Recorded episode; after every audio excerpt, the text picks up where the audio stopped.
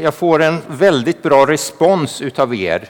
Och nu har jag tänkt att jag ska utnyttja det tillfället. Jag ska ställa tre frågor till er som ni får räcka upp handen på. Ett alternativ för, eller fler alternativ.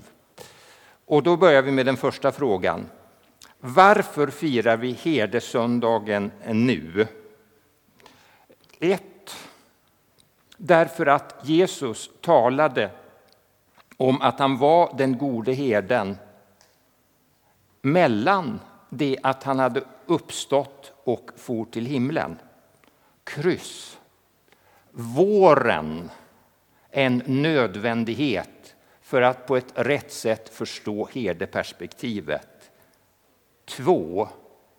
Genom Jesu uppståndelse Eh, så får vi nytt ljus över en del som Jesus har sagt. Och herdemotivet, eh, det som Jesus talade om innan sin uppståndelse, är ett oerhört tydligt exempel på det. Ni som håller med ett kan räcka upp handen. Ni som håller med kryss kan räcka upp handen. Ni som håller med två kan räcka upp handen. Två var rätt svar. Eh, det var någon eh, som visste att det var två som räckte upp handen för att vilseleda andra. Tack för den hjälpen. Eh, Jesus sa det här innan han dog och uppstod. Han sa det under tempelinvigningshögtiden, eh, Chanukka på hebreiska. Den firas i december.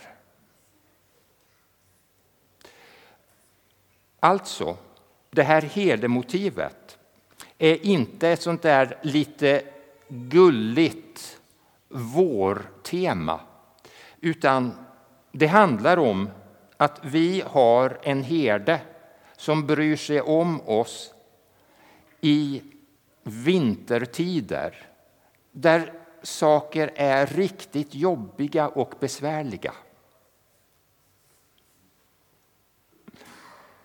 Det är inte en liten extra knorr på glädjen att Jesus är vår herde utan det är en eh, riktigt värdefull hjälp eh, när det är kaos.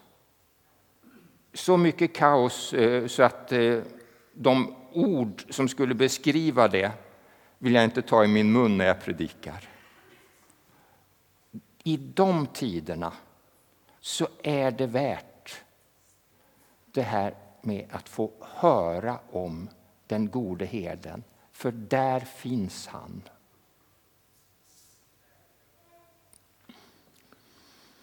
Då tar vi nästa uppräkningsfråga. Eh, och då får ni eh, en fråga.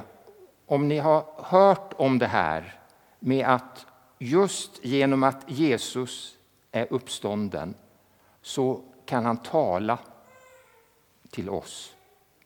Då får ni räcka upp handen.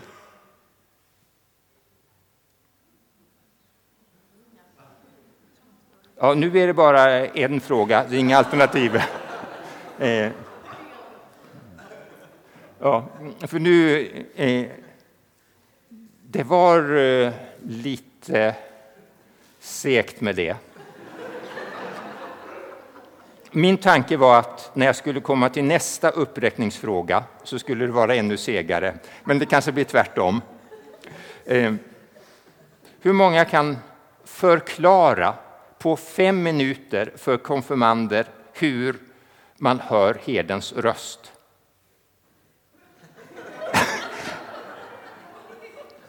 ja, eh, glömmer jag något Eh, så får, eh, så får du komplettera. Men innan jag på fem minuter ska förklara hur man hör herdens röst ska jag lära er lite grann från Karl-Olof Rosenius. Eh, det är ju så att det finns ju många fler EFS-are här än när jag började genom Buråskyrkans vänner. Vi får upp en psalm utav Karl-Olof Rosenius. Eh, Skänk och mig, o Jesus, denna lycka som fördriver otrons mörka kval, korsets bild i hjärtat värdestrycka till besegling av mitt nådeval. Det är en bit av eh, Var jag går, den minst sjungna versen. Så lite sjungen så att den inte finns med i psalmboken. Och så kommer det. Hulde herde, tänk där på att fåren samlade vid evangelieljud känna blott av rösten och av såren dig sin Herre och sin Gud. Känna blott av rösten och av såren dig sin Herre och sin Gud.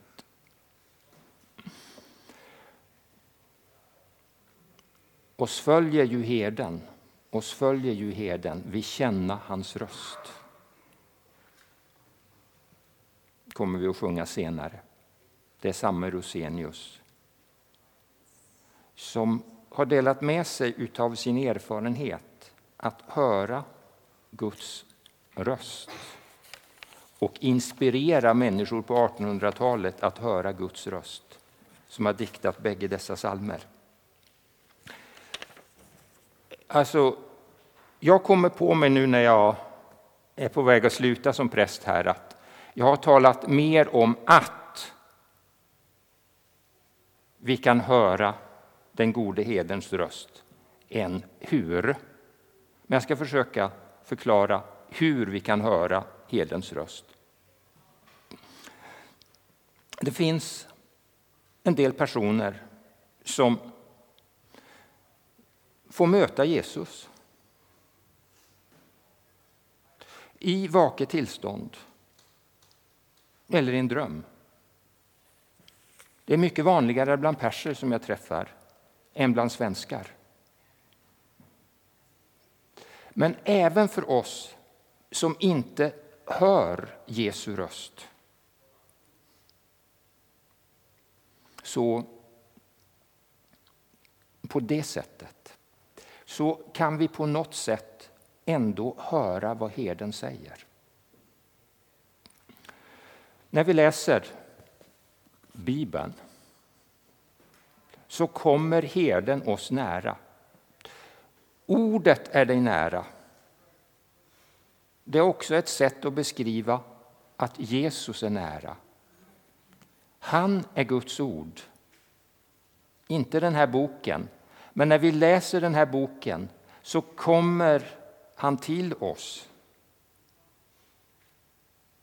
Vi får andra tankar när vi läser Bibeln. Det är herdens röst vi hör. Boken som jag visade på var Bibeln.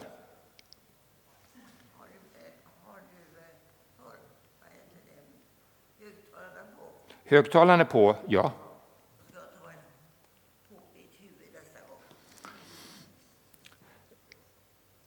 Eh, det är också så att vi kan få vara med om att när vi ber i Jesu namn han har lovat, varhelst två eller tre är församlade i mitt namn så är jag mitt ibland er. Alltså, när vi ber till Jesus, då kommer han. Det kan ju vara så att vi får andra tankar när vi ber. En mycket trolig orsak till att vi får andra tankar när vi ber det är att vi får de tankarna från den person vi talar med, nämligen Jesus. Det kan ju också vara så att det är goda tankar som redan fanns inom oss som kommer fram när vi lugnar ner oss. Men Det kan också vara så här att det är herden som talar. Det kan vara så här, när vi läser Bibeln, när vi ber, när vi firar nattvard och vi stillar ner oss, så kan vi känna nu är jag på rätt väg eller nu är jag på fel väg. Och då gäller det att vända om om vi är på fel väg och lyssna in vad herden har att säga till oss. Det kan också vara så att vi får någon som säger ett ord.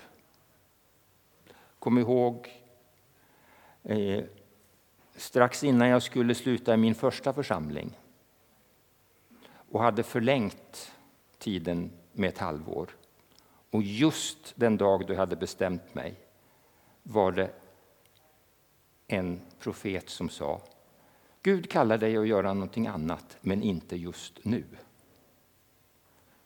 Profetiska tilltal kan bekräfta det som Gud säger till oss, men det kan inte ersätta det.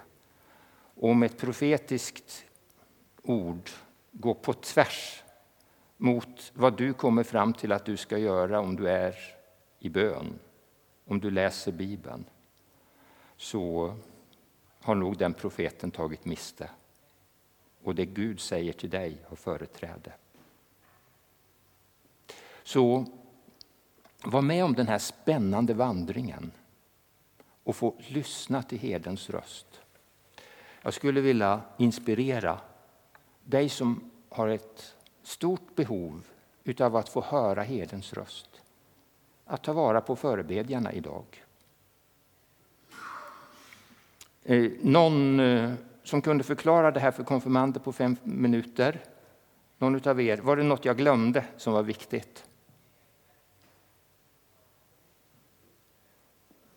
Ja.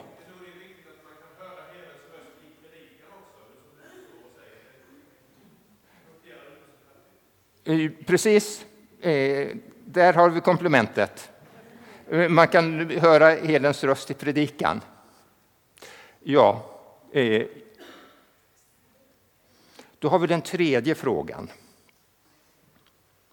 Och det här är lite grann överkurs. För nu tar vi med oss ett tema från förra söndagen. Jesus sa till Petrus, var en herde för mina får. Och så utifrån det så har vi ett perspektiv då med att Petrus var herden. Inte för sina egna får. Glöm aldrig det. Jag har inga får. Timothy har inga får. Det finns får i Guds jord som Mattias och jag får ta ansvar för här. Det finns får i Guds jord som Mattias och Timothy får ta ansvar för från den 20 maj och framåt. Det här är ena perspektivet, att herden, det var Petrus. Herden eh, Petrus kallade andra att bli herdar. Paulus talade till de äldste i Efesus och kallade dem herdar. Det är det ena perspektivet vi har. Det andra perspektivet det är när vi läser om olika gåvor så skriver Paulus att, och det är i Efesierbrevet, att han gjorde några till apostlar, andra till profeter, andra till herdar och lärare. Och på det viset blev det fem olika gåvor. Vilket perspektiv ska vi ha? Är det å ena sidan så att det finns ett herdeämbete och präster är herdar? Eller är det så att några präster och några lekmän har herdefunktionen medan andra präster och lekmän har lärarfunktionen. Andra har evangelistfunktionen. Andra är profeter. Andra är apostlar av ett annat slag då än de första apostlarna.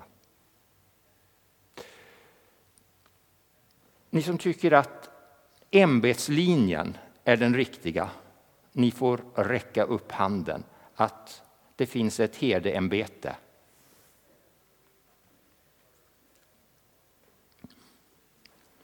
Jag har räckt upp handen själv.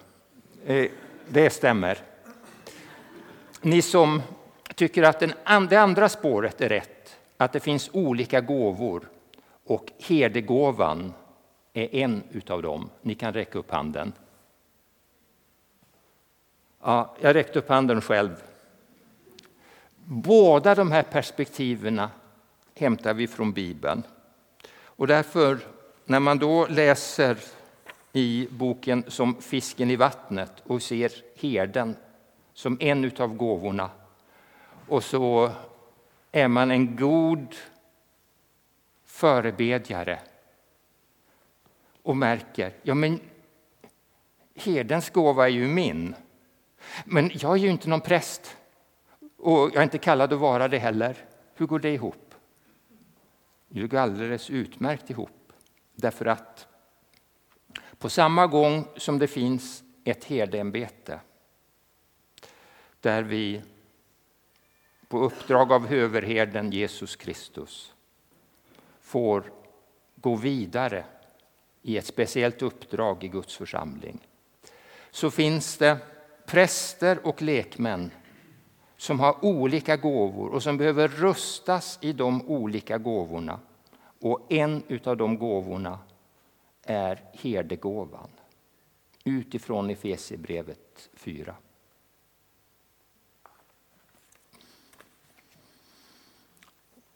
Nu kommer istället trosbekännelsen upp. Låt oss gemensamt bekänna vår kristna tro.